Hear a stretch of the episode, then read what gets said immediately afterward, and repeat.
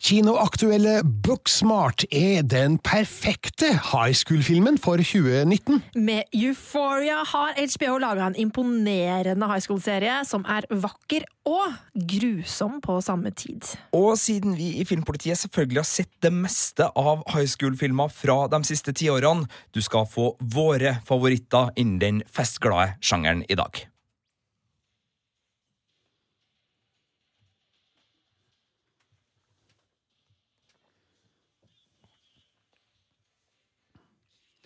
Du hører altså den nye podkasten fra Filmpolitiet med Birger Vestmo. Marte Hedenstad. Og Sigurd Vik. Og denne uka har vi alle tre vært og sett samme film på kino. Kryss i taket. Det er ikke ofte vi får til. Nei, men når vi aner at det er en kjempegod high school-film på gang, og vi liksom hører litt sånn buzz fra Uniten Blass om at å ja, Booksmart, eh, det kan være en skikkelig fin film, og den handler liksom om den siste festen før sommerferien, da er jo jeg og Marte veldig lett å be, Birger. Men da vi satte oss ned i kinosalen, så hadde jeg ingenting av forventninger eller forhåndskunnskap eller noe om Booksmart. Hvorfor merka dere, dere denne filmen så, så, godt? For min del så var det rett og slett eh, en, en, kveld på YouTube med litt switching rundt omkring, hvor den traileren plutselig dukka opp. Eh, og jeg syns den var altså så morsom. Eh, og så sjekket jeg litt grann, uh, mer rundt filmen, og oppdaga da at det var altså søstera til godeste Jonah Hill. Ja, og en veldig, for min del, merkelig regissør, nemlig Olivia Wilde, skuespilleren, som jeg bare tenkte hæ, skal hun lage film? Dette blir fascinerende. Det er ikke første gangen at en skuespiller også trer inn i regissørrollen, men eh, det var ingenting som tilsa at eh, Olivia Wilde hadde ambisjoner i den retningen, men det har hun åpenbart hatt. Ja, og det har hun virkelig klart å gjøre på en eh, veldig kul måte med denne filmen her. Ja, Pluss at jeg er jo alltid litt sånn spent på hva Will Ferrell og Adam McKay holder på med, og de er jo selvfølgelig da produsenter for det her, så det hadde liksom en sånn aura av litt sånn gamle Judd Apatow-storhet, kombinert med nye folk som får lov til å gjøre sin greie, og så så jeg traileren eh, for eh, noen uker siden og tenkte bare yes, det her, det her skal vi finne ut av om det her ble noe. Eh, Booksmart eh, handler i hvert fall om to venninner. Molly, spilt av Binni Felstein, og Amy, spilt av Caitlin Dever, som eh, har vært skikkelig skoleflinke gjennom fire år. Men dagen før de slutter på skolen, så skjønner de at de har, de har rett og slett satsa feil. De har kasta bort hele high school-tilværelsen med å være flinke, og har gått glipp av all festing og moro.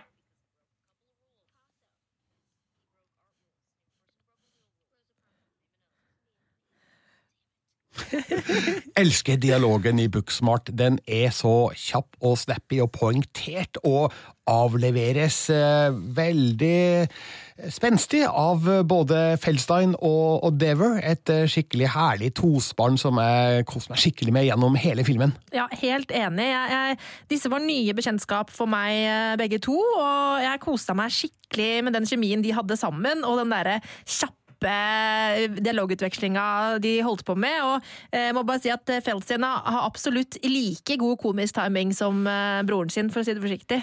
Ja, uh, altså Kathleen Dever for meg er mest kjent fra serien Justified, der hun spiller mot Timothy Oliphant, som da er hovedpersonen der. Der er hun uh, en litt annen type, men visst også da en uh, munnrapphet som var helt fortreffelig. Og Beanie Feldstein kan man jo se blant annet i What We Do In The Shadows, den her komiserien som ligger på HBO Nordic, der hun spiller en tenåring som havner i vennekretsen til en gjeng vampyrer på Staten Island i New York. Så, så begge har vist at de kan tidligere i både filmer og serier, men faen, den komboen er jo helt nydelig. Altså, det er jo en kjemi der som, som virkelig bare kommer ut av kinolerretet, ikke det? Ja, I starten av filmen så er det en scene der um, Molly blir henta av Amy, som da kjører en uh, Volvo, som straks blir til Vulva, selvfølgelig, i dialogen her. Uh, og de har en dance routine der som uh, bare beviser at disse folka tar seg ikke sjøl veldig seriøst, og vi forstår også at de står litt utafor, skal vi kalle det, fellesskapet da, på, på high schoolen de er med på. Og vi kjenner jo alle sammen noen som Molly og Amy, gjør vi ikke det? Jo, altså jeg tror òg man kan kjenne seg igjen i, i, forskjellige aspekter ved disse rollefigurene på et eller annet plan.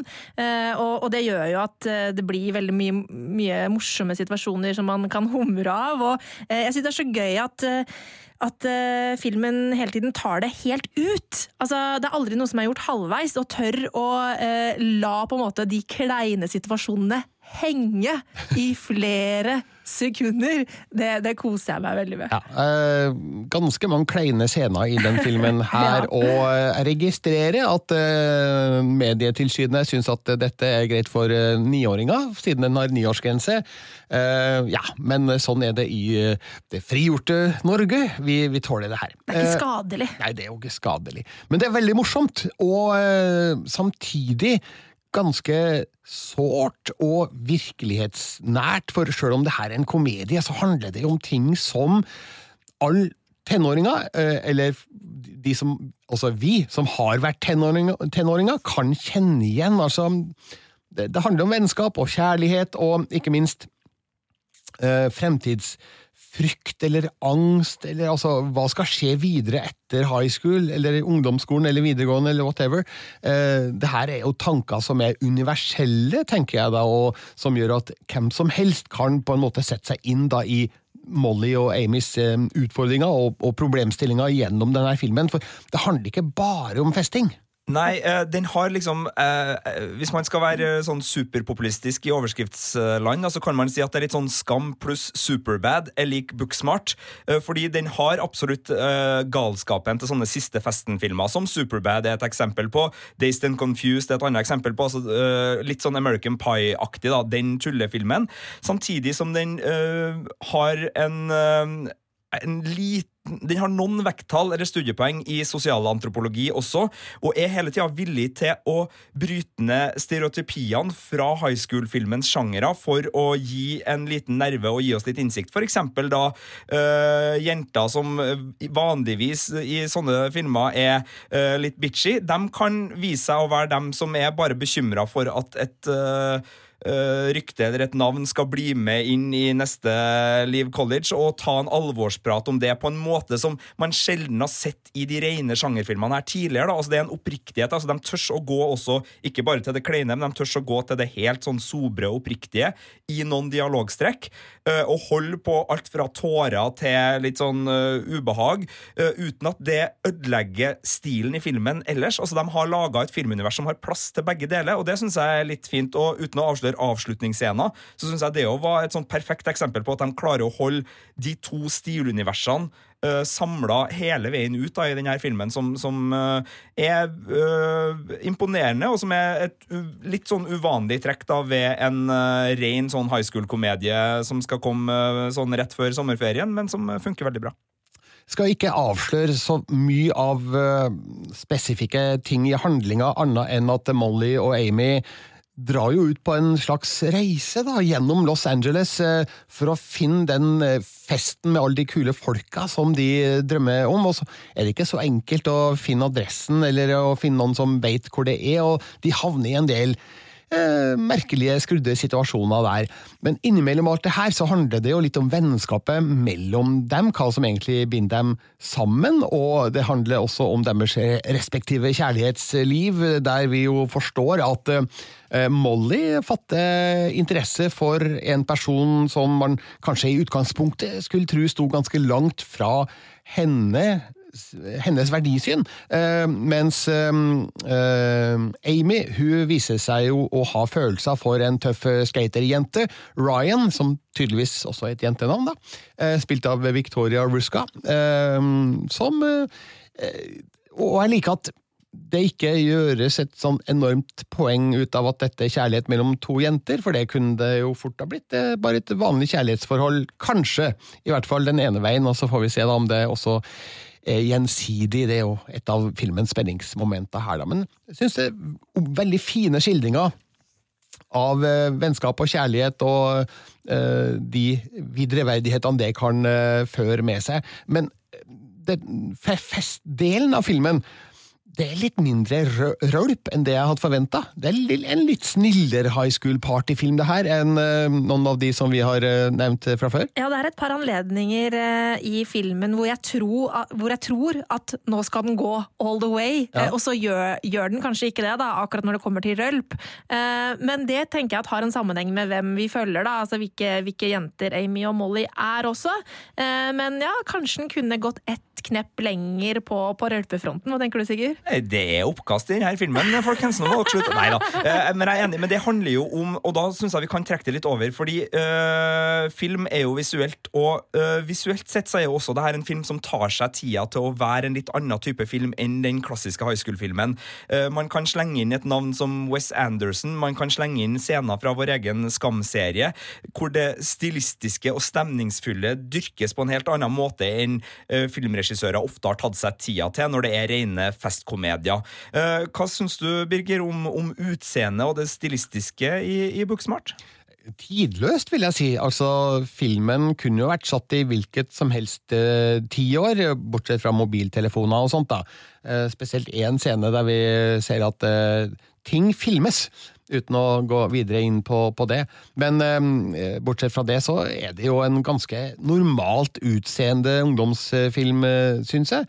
Så det er ikke der eh, regissør Olivia Wilde har eh, lagt inn kruttet. Men her er vi uenige. Jeg, jeg syns uh, flere scener så viser hun en nysgjerrighet og en uh, tålmodighet som vi sjelden ser i denne sjangeren. Spesielt ved å dvele ved uh, ansikt med kulisser i bakgrunnen, enten det er ved basseng eller om det er inne. Og, og også i bilscener så har hun tatt seg veldig flid med å, å, bygge kulisser som gir helt andre lyssettinger enn det vi er vant med, og helt andre stemninger. Så jeg syns filmen henter veldig mye en sånn dus sårhet fra kulissene sine, da, som jeg syns absolutt er viktig viktig, uh, en viktig del for at jeg liker filmen. Ja, derfor jeg kaller den litt sånn tidløs. da. Altså, hun har ikke gått for et moderne, høyenergisk eh, filmspråk, men satser litt mer på tried and tested uh, stilarter som godt kunne ha vært gjort på, på 80-tallet, liksom. Jo, men den tålmodigheten hun viser i en del settinger, spesielt der hun er ved rollefigurer som opplever litt sånne ting som, som går inn på dem, det syns ikke jeg er vanlig kost i, i high school-filmen. I hvert fall ikke til den grad. Kanskje ikke i high school-filmen, kanskje? Ikke det siste tiåret, men eh, kanskje et par tiår før, ja. før det igjen. Så jeg tenker at eh, det er bra at det skapes litt luft rundt figurene og rundt noen av historietrådene her, som gjør at eh, det ikke bare blir i hermetegn Stein bare bli en high school-rølpefilm, men, men, en historie som, eh, som Det ligger noe ekte bak, da. Mm. Lisa Kudrow fra Friends dukker opp. Det er litt rart, jeg, men det er jo fordi at jeg er blitt så gammel nå, at jeg tenker at altså, de altså, det er ikke bare Lisa Kudrow, men også Will Forte og Jason Sudeikis er med. og Det her er jo, i mitt hode, sånn unge, spreke, fremadstormende komikere. Og nå spiller de liksom rektor og mor og far, og det er ikke de som er the shit lenger. Nei, de uh, har blitt flytta opp et hakk. Ja. Det, det, må være litt sånn brutalt som skuespiller når du liksom uh, begynner å få manusa tilsendt, og så er det foreldrerolle. I'm, I'm the mother! Ja. ja. nei, men det er vel sånn det går med oss alle, de fleste ja. av oss. Og, og, det er små roller de har her, da. Men det, det er morsomt å, å se dem, og de tilfører jo filmen en viss grad av kredibilitet, kan du si, da, fordi det her er anerkjente, erfarne komikere som ikke er med i hva som helst, og når de velger å være med i Booksmart, så betyr vel det at de har tro på prosjektet. Bortsett fra Jason Sudeikis, da, som er sammen med regissør Olivia Wilde, eller gift. Har han ligget seg til rollen sin? Har han ligget seg til rollen sin, så vet ikke om vi skal trekke så mye ut av at han er med der. Men um, de er med på å krydre persongalleriet, da. Det er, det, det er sant. Og Jeg elsker jo persongalleriet i filmen her. Det er jo en eh, veldig effektiv intro i klasserommet ganske tidlig, der vi på kort tid blir introdusert for de fem-seks viktigste personlighetene, og som i løpet av de to minuttene den scenen varer, etablerer seg kort og greit og, og forståelig for, for oss. og for eksempel uh, Tanner, spilt av Nico Hiraga, som på et tidspunkt uh, skater seg gjennom en skolekorridor på en ganske visuelt uh, finurlig måte. Og så har vi da Triple A, spilt av Molly Gordon, som kalles Triple A av årsaker som filmen sjøl skal få lov til å forklare. Og så er det da Jocken Nick, spilt av Mason Gooding, sønn av Cuba Gooding jr., som gjør en eh, sympatisk eh, rollefigur, til tross for at innledningsvis så virker han som en enormt stor og dum klyse. Og det er akkurat det jeg syns er så kult med filmen, at den leker med de der eh, stereotypiske rollefigurene som vi er vant til å se i high school-filmer, eh, men så er kanskje ikke alle akkurat sånn som de først virker å være, da. Nei, og her lekes det litt mer med dem enn bare den vanlige litt sånn å ja, så du var egentlig ikke en bitch sjøl om jeg trodde du var en bitch, som gjerne kommer på slutten av sånne filmer det har vært liksom det klassiske at du oppdager at hun øh, fæle har ei god side. Her er det allerede midtveis i filmen uh, tukling med, med, forventninger, og uh, egentlig før det òg, der uh, folk vi heier på, blir folk vi ikke heier på i konfrontasjoner med medelever. Og sånne ting er jo med å, å opprettholde den friskheten da, som Booksmart klarer å, å, levere i en ganske forslitt sjanger. samtidig så må ikke folk tro at det her er nytt i alle ledd. Hvis du har sett alt fra Euro Eurotrip til Harold and Kumar Goes to White Castle, så kjenner du igjen rytmen i bevegelsene på hvor vi skal. Altså Vi er på en tur, som Birger sa innledningsvis her. Vi skal innom en del faste holdepunkt før vi finner den her store siste festen. Og i de uh, oppleggene og i de liksom sekvensene så er det veldig mye tried and tested som uh, kjøres ut i nye versjoner. Heldigvis med spretten dialog og rollefigurer vi bryr oss om, men ikke kruttoppfinnelse på hver eneste korsvei i denne filmen. Nei, men jeg syns at det er såpass godt gjort og strålende spilt og morsomt skrevet at jeg rett og slett var nødt til å ty til femmeren på terningen. Hele anmeldelsen ligger ute på p3.no, og Eh, nå er dommen selvfølgelig min, men eh, hva tenker dere, Marte og Sigurd? Eh, femmer til Booksmart? Jeg stiller meg fullt og helt eh, bak det, altså. Ja, en sterk en, og, og jeg syns du sier det så godt, Birger. Hva, hva var det du, du, du, skrev i anmeldelsen? At det her er den perfekte high school-filmen for? Ja, den er, det, for 2019. Ja, den, men For den tar den tidsånden, syns jeg. Ja, jeg syns uh, det. Jeg tror at uh, dagens uh, 18-åringer cirka, ish, kan kjenne seg godt igjen i mye av det som foregår i Booksmart. samtidig som vi som er eldre husker tilbake til vår tid i samme alder og tenker at ja, men sånn var det faktisk. Til dels, i hvert fall. Så det er en helhjerta anbefaling fra oss i Filmpolitiet. Booksmart kan du se på kino fra og med denne fredagen, og det syns jeg du bør.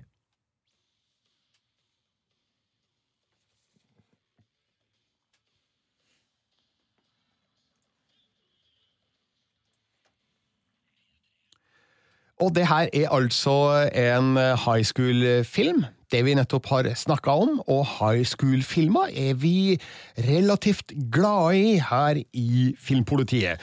Vi eh, har våre favoritter, og du skal få høre hvilke det er, slik at du kan fylle helga di med fantastisk high school-film.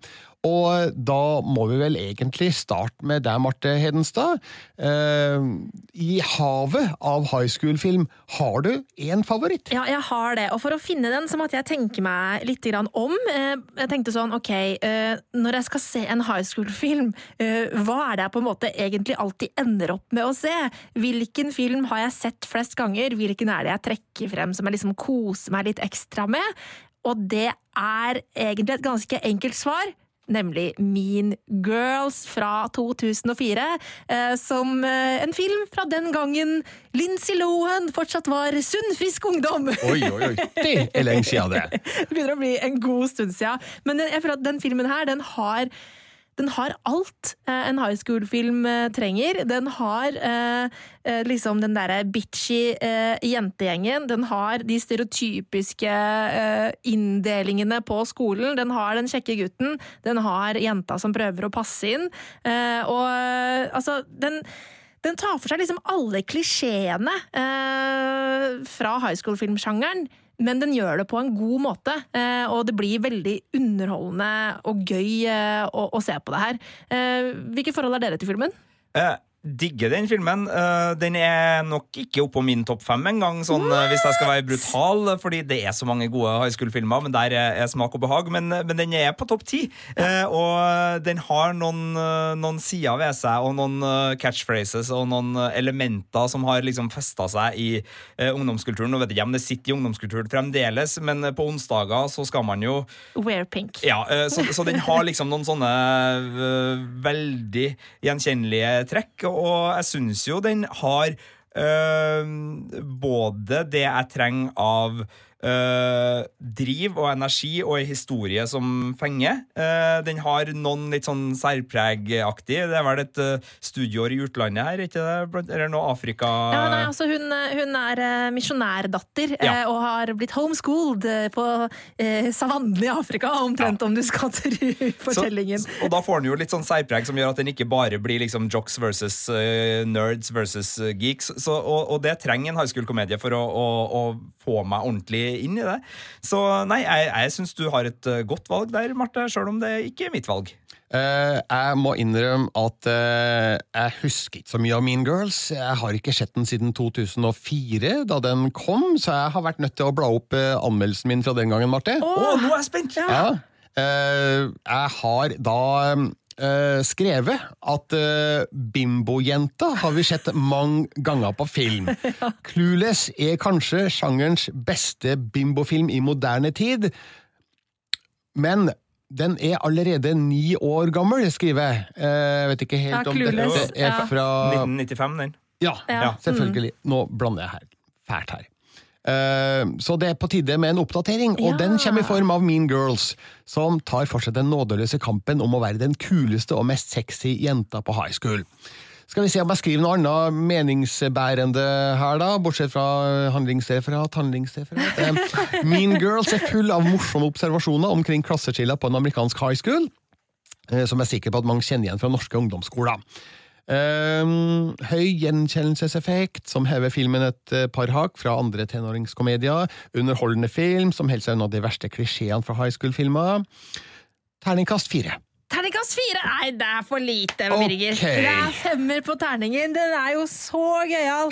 Jeg, jeg hadde lett trilla fem for Mean Girls, altså. Okay. Der er vi uenige. Jeg har også skrevet om uh, Mean Girls, med men det i en listesak jeg laga for Filmpolitiet, der uh, temaet er topp fem high school-filmer fra 1999. Veldig spesifikt. Ja, For 1999 er jo et kremår. Det var jo da American Pie kom, det var da She's All That kom, det var da uh, Ten Things I Hate About You kom. Og hvordan kommer Mean Girls med inni her? Fordi uh, det er ikke noe tvil om at uh, Mean Girls kom på en tid hvor liksom high school-filmen var på en, uh, en, liten sånn høyde. Ja, uh, fordi den her gjengen da, som kom i 99, med Freddie Prince jr. Og, og, Heath Ledger og alle disse andre, de skapte jo en kultur som gjorde at vi fikk filmer som Roadtrip, Harold og Coomer og Mean Girls. da, sier jeg. Så, så, så, Mean Girls er jo en slags litt sånn kronen på verket mm. for den generasjonen high school-filmer, altså den typen high school-filmer som var litt mer raffinert enn 90 90-tallets eh, 80-tallets uh, eh, veldig sånn festglade filmer. Det var en litt sånn uh, selvbevissthet i sjangeren her. De tukla med det samtidig som de var veldig opptatt av å være kommersielle og gikk for uh, drøye ting. da American Pie kanskje verst i klassen. Men, men jeg òg syns Mean Girls er en femmer. Altså, det, jeg har ikke rakka ned på Mean Girls i, i den listesaken. Det var bare artig at jeg, det var den det kulminerte med, sånn som jeg har Og den her saken er fra sånn 2012, da, så den, den er noen ja. år gammel. Men, men ja. da konkluderer vi med at Mean Girls er en firer. Nei, Også, det, er, det er to mot én! Age before beauty. Ok, ja, ok, da den firer slash femmer, da. Ja, og så Den ligger jo tilgjengelig eh, for strømming på eh, Prime Video og til leie på omtrent alt av eh, steder man kan leie film på nett. Så du kan jo gjøre opp til en egen vending, du som hører på. Er det en firer eller femmer? Ja, og, og Prime Video det er da Amazon Ja. sin strømmetjeneste. Så hvis du har den, eller du har lyst på den, så, så finner du Mean Girls der. Skal vi bevege oss over på din high school-filmfavoritt, Sigurd? Å ja, du mener den beste high school-filmen av alle? Jeg mener din favoritt, ja. Ja, ok, da. Eh, jeg skal til en litt sånn på siden, for det her er laga av en fyr som ikke gikk for å lage en high school-film, men det har blitt en high school-film og en klassiker i, i sjangeren, og det er Dazed and Confused, uh, laga av Richard Linklater. Uh, laga på 90-tallet, men satt til 70-tallet, og den reindyrker da følelsen av den siste festen. Altså, skoleåret er over. Eh, mange er, som vi har snakka om i Booksmart, spent på hva skal livet bringe. Vennskap eh, splittes opp, folk flytter til hvert sitt, folk har ulike drømmer, ulike planer. Men aller først så skal vi bare kose oss, folkens. Eh, og det skjer da i en deilig lydsatt festfilm. Aerosmith er på soundtracket her, og det er mye snadder for ørene. Uh, ja, nei, jeg elsker Dazed and Confused. Og viktigst av alt, dette var jo filmen som ga Matthew McConaughey hans catchphrase. All right, all right, all right. Nå trodde jeg du mente den her That's what I love about them high school girls. I get older and they stay the same age. Det er ikke hans catchphrase. Nei, men det er en uh, minneverdig replikk fra Matthew McConaughey sin uh, rollefigur. da her, Som er en litt sånn Ok, Alle som har vokst opp på bygda, kjenner han fyren Matthew McConaughey spiller. Og det her er ikke uh, et OK-signal fra filmpolitiet til at det er grei oppførsel. Langt derifra. Men han fyren som bare blir gamlere og gamlere, men som fremdeles kommer og henger med skoleungdommen på fest, ja da, det er Matthew McConaughey som spiller den rollefiguren Ja. i Dazed and Altså, Confused. da han eh, stakk av gårde med en, en Oscar, eh, så valgte han å, å dra all right, all right, all right. Eh, altså, det er derfra, liksom. Eh, Ben Affleck er også sammen med en haug eh, 90-tallsstjerner som ikke var stjerner da, fordi eh, castinga på den filmen her var rett og slett eh, litt sånn eh, gatesmart og forut for sin tid. Men det er mange som har blitt eh, store stjerner. Jeremy London spiller jo også en av eh, hovedrollene. Og Jason London. Jason London. Broren. Det er broren til Jeremy London. Ja. Hvem av dem var som spilte i En vakker dag? TV-serien som gikk på NRK. Eh, en av dem. En av dem spilte i den, eh, det er riktig. Men eh, eh, det er sånn at eh, Richard Linklater er en filmskaper som ikke er kjent for å masseprodusere komedier. Han hadde laga Slacker før det her, og han har laga en del filmer som du setter veldig høyt, vet jeg, Birger. Å ja, veldig glad i Boyhood og Før midnatt og soloppgang og eh, solnedgang og Scanner Darkly og Waking Life. Masse bra fra den fyren. Ja, Og en kunstferdig regissør som ikke går for de opplagte Hollywood-flosklene ved hver korsvei, men, men bygger sin egen en. Og det som er interessant, er jo at han ville egentlig ikke at det her skulle være en sånn hyllest til 70-tallet. Altså, han likte ikke 70-tallet. Han ville bare vise fram en film over hvor tarvelig sånne fester egentlig er. Altså at Det er ikke noe sånn her fantastisk som skjer. Kids kjører rundt dem og smasher postkasser med balltre og kjeder seg på sånne skoleavslutningsfester. Så ender de opp i skogen og drikker der, og så går de tom for øl, og så ligger de bare og hører på musikk. Og så Altså, han- er det fantastisk! Men det er det! Ja, det, da har han gjort en kjempedårlig jobb, for vi vil jo være på den festen! Ja, men, men han hadde liksom ikke intensjoner når han skrev det manuset eh, på, på starten av 90-tallet om at det liksom skulle bli liksom sånn der Alle vil flytte inn i det 70-tallet og henge på den festen. Det skulle liksom bare vise fram at ting er ikke så fantastisk. Men det handler litt om tida. da. Jeg tror på 90-tallet, når den ble laga, så var det her eh, veldig nedpå sammenligna med mye av de filmene som hadde dominert 80-tallet, og, og uh, hvor storslagent uh, ting skulle være. Så det her var jo en veldig sånn i tråd med Slacker, da, som han hadde gitt ut før. En litt sånn her eh, sløy og nedpå og, og litt sånn antifilm, på, på sett og vis. Uh, men samtidig så traff en et eller annet her som bare føltes så ekte og så troverdig, men allikevel så artig og fint, uh, for det er veldig mye artig i denne filmen. Å herregud, Jeg kjenner at jeg har skikkelig skikkelig lyst til å se den her igjen. Det er mange mange år siden jeg har sett den. Det er mange, mange år siden jeg har sett den nå, men jeg husker jo bare at jeg likte den kjempegodt den gangen, så ikke vet jeg hvorfor jeg har bare latt være å se den om igjen. Men eh, jeg mener å huske at det var et fantastisk bra lydspor på den, blant annet. Ja da, det er et 70-talls rock-soundtrack eh, med Foghorn, eller Foghat, eh, de heter, og Aerosmith, og den er jo kalt opp da etter en Led Zeppelin-låt som heter Dazed and Confused, selvfølgelig, så, så du har rett i at musikken er viktig her. Og den er fremdeles eh, nei, selvfølgelig Schools Out med Alice Cooper. Selvfølgelig. Ja, det, Som enhver god high school-film bør ha. Det må den ha. Ja. Um, ja, hvor kan vi se den? Nei, og uh, Nå tror jeg vi er litt inne på hvorfor dere kanskje ikke har sett den på en stund. Fordi den her ligger ikke på en eneste av strømmetjenestene som Nei. folk abonnerer på. Er det nå. seriøst? Uh, men den er å få leid og kjøpt på de strømmetjenestene som driver med den slags. Altså Du får den både på Microsoft sin, du får den på Google Play og du får den på, på iTunes. Uh, og du kan selvfølgelig kjøpe den i alt fra billige DVD-utgaver til en Criterion Collection Blu-ray-utgave som koster 500 spenn, men der du får med den originale kinoplakaten, ei bok med masse essayer skrevet om det, og ikke minst sånn cast eh, som snakker om hvordan de har det. Har du den? Eh, Jeg har det ikke, fordi 500 spenn på en Blu-ray er fremdeles eh, smådyrt. Men jeg har sett sånne unboxing-videoer av den, og da fikk jeg veldig lyst på den. Nei, Å begynne å samle på Criterion Collection. Det er nok en del av dere som hører på, som, som gjør det, men jeg har ikke økonomi til det, rett og slett. Men eh, hvis man kan leie eller kjøpe en film på nett, så er det jo ingen unnskyldning, for det er jo såre enkelt, og selvfølgelig verdt hver eneste krone når det er snakk om en film som Dazed and Confused. Ja, 39 spenn, tror jeg, eller 29 på leie, ulike plasser, og jeg tror du får kjøpt den digitalt for sånn 79 kroner, så, så det er ikke ei voldsom investering, og jeg vil påstå, denne filmen vil gjøre helga di bedre. Takk for kjempebra tips, eh, Sigurd. Eh, Nå, nå har jeg fått skikkelig prestasjonsangst da. etter Mean Girls og Days and Confused. Kan jeg komme opp med noe som er like bra? Eh, Og nå skal jeg vel komme med en litt sånn lei avsløring her. Jeg er ikke så opptatt av high school-film. Jeg har sett mange og likt mange, men det er ikke noe som jeg går i hylla for å plukke frem og se på nytt igjen. Det er ikke en sjanger du vender tilbake til, liksom? Nei, altså, jeg ser gjerne en high school-film, men uh, har ikke plukka fram Mean Girls, har ikke plukka fram Ti ting jeg hater ved deg, eller uh, Clueless. Uh, Superbad, Nei, jeg, jeg? Ja, jeg føler ikke noe behov for å plukke frem de filmene. Det er mange andre sjangere som jeg kanskje er mer tilbøyelig til å vende tilbake til. Men når det gjelder high school-film, eh, det er jo én som jeg tenker at ja, men den er jo verdt å se med jevne mellomrom, og da skal vi tilbake til kilden her. Altså, Det er ikke nødvendigvis den første high school-filmen, eh, det er jo selvfølgelig ikke sant, men eh, vi skal til Grease. Grease fra 1978. Grease is the word, med John Travolta og Olivia Newton-John.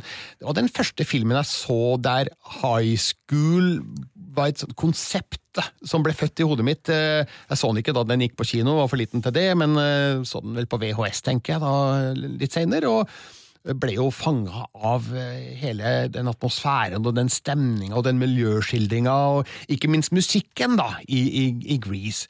Og vel, det var kanskje ikke sånn en amerikansk high school eh, så ut på eh, hva er det, slutten av 50-tallet, eller er det starten av 60-tallet denne filmen foregår, men eh, det så ufattelig kult ut i hvert fall. da, og Travolta var så kjekk, sjøl om jeg ikke tenkte så mye på det, for det var jo Olivia Newton-John som fanga min interesse i rollen som Sandy, som for øvrig Én person her i studio i dag eh, har eh, egentlig prøvd å etterligne av en eller annen grunn. altså, jeg, eh, det er helt tilfeldig. Har på meg sånn hvitt Altså ikke hvitt, men altså vid. eh, Et hvitt skjørt eh, i sånn type 50-tallsaktig stil. eh, T-skjorte og, og hårbøyle. Jeg følte meg som Sandy da jeg gikk til jobb i dag. Ja. Du skrev faktisk det på vei til jobb Ja, før vi, vi kom hit. Ja. Men uh, kjapt spørsmål, bare Birger. Foretrekker du uh, den litt sånn uskyldsrene Sandy, eller er det skinn, skinnklær-Sandy du syns er best? Det er ikke best? skinn, det er noe sånn der eh, spandex-opplegg, men ok. ja. Du, svaret på det må vel egentlig være ja. Eh, Men, eh, men eh, skal vel jeg skal vel si at jeg syns Olivia Newton-John som skuespiller passer bedre til den litt pyntelige Sandy Ja. enn den uh, vågale Sandy. Har liksom ikke det uttrykket inne, føler jeg da. Så det ble litt rart når hun på slutten av filmen dukker opp i skinn og skal være den tøffe jenta. Jeg husker at uh, Jeg husker det så godt uh, første gangen jeg så Grease. Eh, og da hun kom der, helt, da fikk jeg girl crush. Altså Jeg var helt blown away. Jeg bare Å, herregud! Altså, hun var så kul! Og det var bare så tøft. Å, herregud, jeg forelska meg i hun da, jeg, selv om det var selvfølgelig John Travolta som var den kjekkeste av de kjekkeste.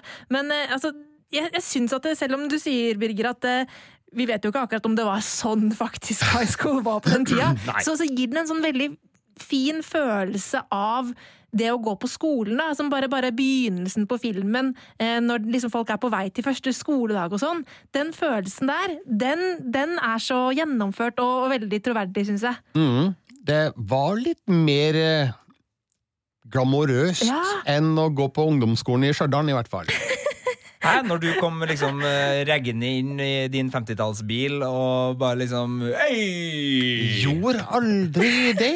Sa aldri sånt, og ble aldri lagt merke til på samme måten som John Travolta i Grease. Altså. Nei, vi er en, sånn eh, vi er en filmgladende gjeng, så det er vel flere av oss som ikke har gjort det, Birger. Men nå har jo filmen hatt eh, ja, 41 år til å oh, grave seg inn i vår sosiale bevissthet og eh, ta sin plass i vår eh, popkultur. Og det er ikke lenge siden jeg viste Grease til mine to tenåringssønner. og de likte den godt, sjøl om det er jo for dem en skikkelig skikkelig gammeldags film. Men um, du kan liksom ikke motstå en film med, med låter som You're the One That I Want og Greased Lightning og Hopelessly Devoted to You, og nå har jeg sikkert glemt noen, men eh, ja, Look at Me, I'm Sandra D. Altså, det, det, det er rett og slett en, en feiende, flott, morsom, underholdende musikal, det her. Eh, ved siden av å ha en del elementer som går igjen i high school-sjangeren den dag i dag. Og den har bilkjøring, Birger. Og du kommer liksom ikke helt unna at uh, det kan være at det er bilfilmen Grease som gjør at den topper high school-sjangerlista di. Ja, Det er ikke utenkelig at det er i hvert fall en medvirkende årsak da, til at jeg, av alle high school-filmene jeg har sett, så er Grease den jeg er mest tilbøyelig til å plukke frem fra, fra Blu-ray-hylla igjen. Så det er mitt tips hvis noen har lyst til å se den om igjen, eller for første gang. Så kan du eh, strømme den på Amazon Prime hvis du har abonnement der, eller du kan leie den hos Google, Microsoft, eh, Viaplay eller Apple, og du kan kjøpe den på noen av de samme stedene. Og um, det syns jeg Grease absolutt er verdt, altså. Da sier vi oss ferdige med våre high school-filmanbefalinger. Det var altså Mean Girls, det var Dazed and Confused, og det var Grease.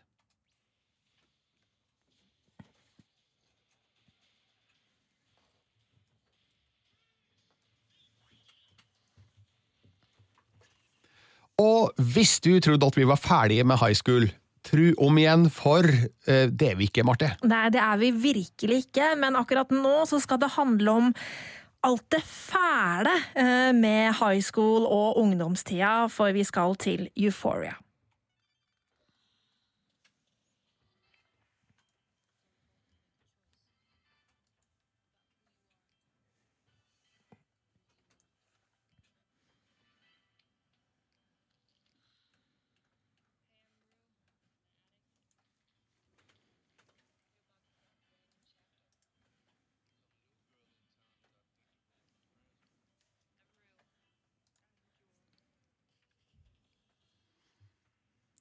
Euphoria er en ny serie fra HBO, som altså er en mørk high school-serie, hvis jeg forstår det rett? Ja, eh, det er virkelig en mørk high school-serie.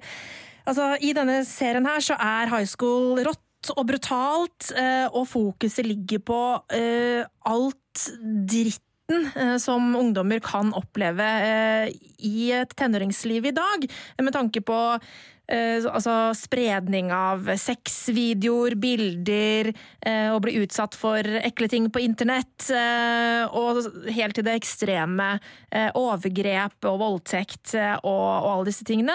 Eh, og da også rus. Eh, for vi, vi følger Rue, som vi hørte i, eh, i klippet her, spilt av Zendaya.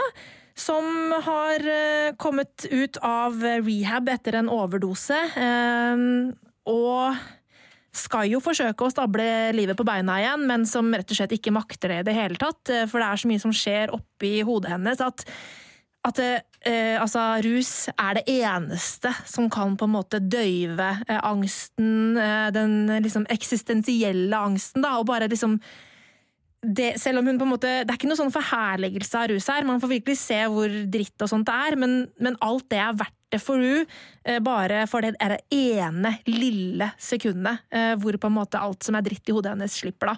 Um, og, så det er ganske sånn mørkt og dystert. Um, men så kommer det et lite lysglimt inn i Rue sin verden, i, i form av Jules, spilt av Hunter Shafer, som er en, den nye jenta i, i byen.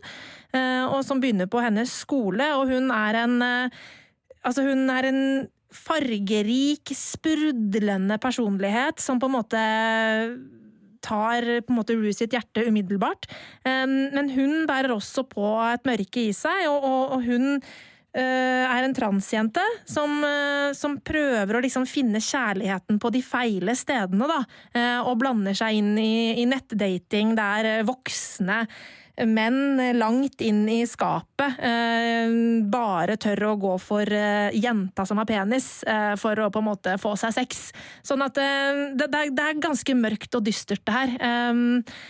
Men en veldig spennende og fengslende fortelling å følge.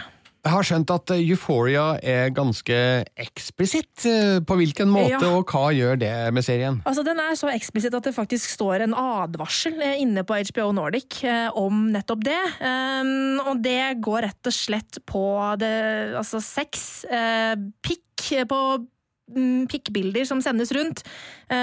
Onanering på, på nett, rett i skjermen. Uh, og, og, sånne type ting. Samtidig som det også er en del veldig vonde scener eh, knytta til seksualitet, da, uh, som gjør at den, den, er ganske så drøy. Og jeg ser at Jeg har ikke registrert det i Norge, men i USA så har det kommet en del kritikk på det. da, Og at liksom, og nok en gang så liksom kjører HBO på liksom sjokkfaktoren.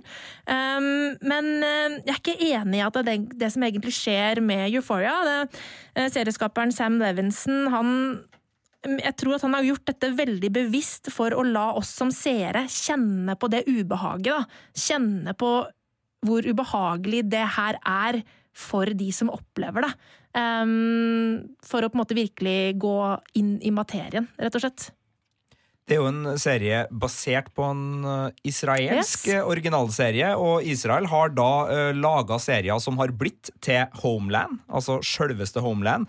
Uh, In Treatment, for dem som husker den serien for en del år tilbake, der det var en psykolog som satt og, og, hadde sine pasienter. Og de har også gitt oss andre serier som Fauda, blant annet, som ligger på, på nett nå, og, og, er tydeligvis et land som Jo da, Norge har skam og levert skam til, til det internasjonale marked, men, men Israel det, det, er en interessant eh, serienasjon. Mm. Uh, vet du nå, er det like ille det som det er basert på når det gjelder altså nakenhet og, og råhet, eller? Jeg har ikke peiling. Nei. Jeg har ikke sett den originale serien, så det veit jeg faktisk ikke.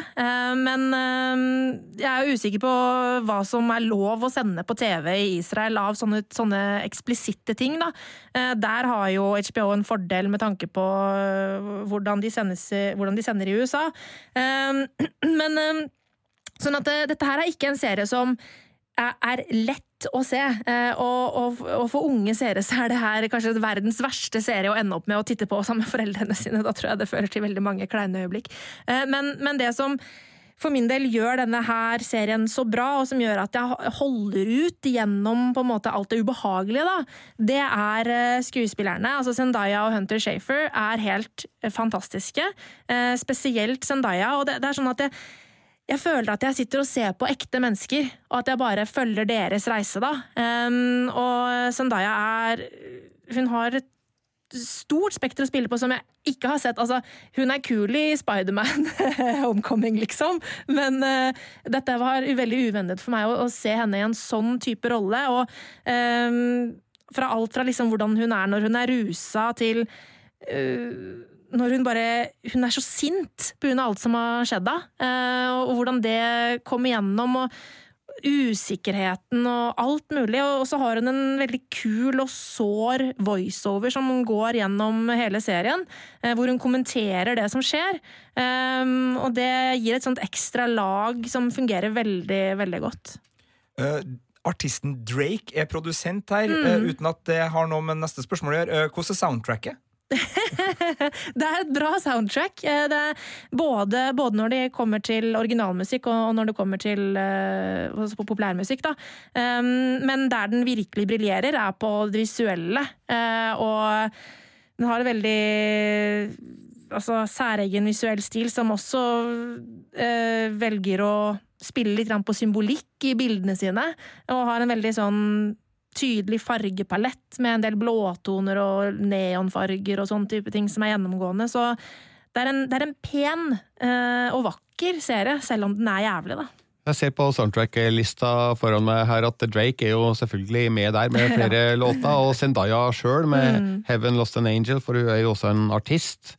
Uh, og um, Halsey er med, Kelani Eh, Daniel Cæsar, eh, enda mer Drake og enda mer Drake. Ja da, så det er et soundtrack verdt å høre på Spotify, det her. Absolutt. Og så tenker jeg at det er jo veldig passende med tanke på, på tidskoloritten til serien, da, og ja. den samtida som uh, utspiller seg her. Men du, tenåringspappaen i meg våkner litt her. Mm. Altså, uh, um, vil du anbefale en nedre alder her på å se serien? Altså uh, Kanskje ja, faktisk. Ikke fordi at det er uh, altså, eh, bild, altså, kuk på, på, nett finner ungdommen uansett, liksom. Uh, men Så det, det, at den er grafisk, er ikke, noe, er ikke problemet her. Men, men det, jeg tror kanskje at den yngste, de yngste tenåringene kanskje ikke vil forstå på en måte dybden i det som utspiller seg, da. Uh, uten at jeg er en psykolog. Og det er ikke sikkert de kommer til å søke seg til en serie som Nei. Euphoria heller, da. Nei, det tror jeg egentlig ikke. Det er interessant hvordan high school bare er så dominerende om dagen. altså mm. På kino med Booksmart. Og denne serien I tillegg så har Netflix akkurat sluppet en serie som heter Trinkets, også, som handler om tre jenter fra ulike lag på en high school som møtes i Shoplifters Anonymous, eh, fordi de alle bruker butikktyveri som en reaksjon på sine problemer, og de problemene er ulike. Eh, så, eh, og man har hatt 13 Reasons Why, man har hatt en, en litt sånn oppbygging til det her, hvor, hvor også liksom, det, det, vanskelige og det, det fæle skal utforskes. Og ja, skal nevne til det kjedsommelige, men altså Skam har jo også blitt sendt rundt i Europa til, til, ulike varianter. altså Tyskland, Tyske Skam skapte reaksjoner her nå.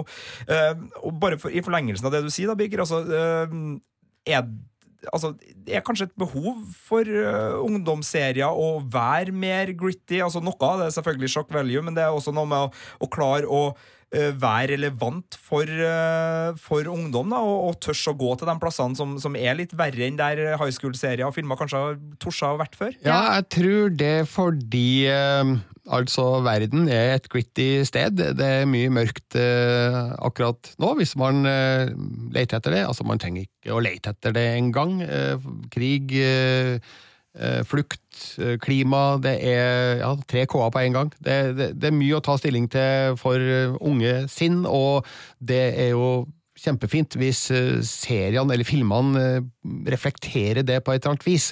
Og eh, der kommer vel Eufora inn som en bra motvekt da, til morsomheter som vi har vært inne på tidligere i denne podkasten, mm. som for eksempel um, Booksmart. Absolutt, og jeg tenker at for folk på videregående og oppover, da, så tror jeg Euphoria vil gjøre sterkt inntrykk. Du har gitt terningkast Fem. Og, og det var nesten på sekseren, altså. Ja. Men uh, det var uh, Det er litt fordi at det er så innmari mørkt, og det kunne kanskje vært litt bedre variasjon når det kommer til de få lysglimtene vi får, da, som gjorde at jeg ikke gikk hele veien opp på terningen. Og det her kan du se på HBO Nordic. Vet du hvor mange episoder som ligger ute nå? Det er én episode. Ja. Rett og slett. Kommer ny episode hver mandag.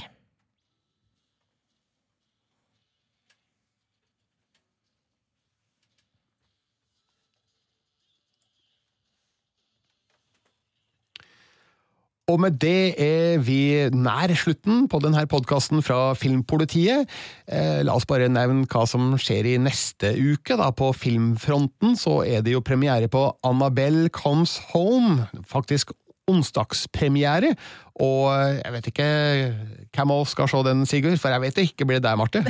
Nei, vi får uh, sammenligne dukkesamlingene våre, Birger, og se hvem som har størst Gud. dukkesamling. Så er det den som får lov til å gå. Men du, Marte, skal anmelde en eh, ikke en ny film, da, men en uh, Hayao Miyazaki-film som Ja. ikke har gått på kino i Norge før. En 33 år gammel film som endelig kommer på kino i Norge, nemlig Laputa, Himmelslottet. Fantastisk animasjonsfilm fra Studio Ghibli. Og så skal vi nok se komedien Yesterday fra Danny Boyle. Handler om en eh, musiker som våkner opp og finner ut at han er den eneste i hele verden som husker eh, låtene til The Beatles. For et konsept! For et konsept. Det kan bli veldig veldig morsomt. Det kan bli veldig veldig rart. Vi får se. I hvert fall, det her har vært eh, Filmpolitiets podkast som eh, vi gjerne ser du eh, rate og kommentere der du fant den. Eh, kontakt oss på filmpolitiet.nrk.no. nrk.no. følg oss på Twitter og Instagram. Og så er det bare å si takk for oss, og oss, det er Marte Hedenstad. Sigurd Vik. og Birger Vestmo.